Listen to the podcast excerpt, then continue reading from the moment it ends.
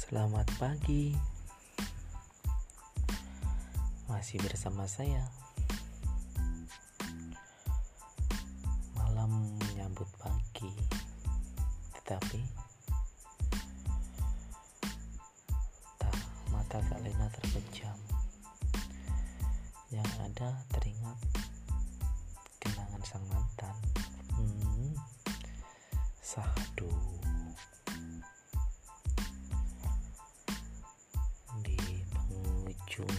Pagi.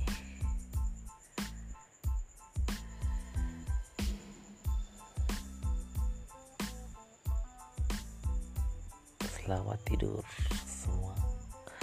Selamat menikmati nyenyak tidur. Assalamualaikum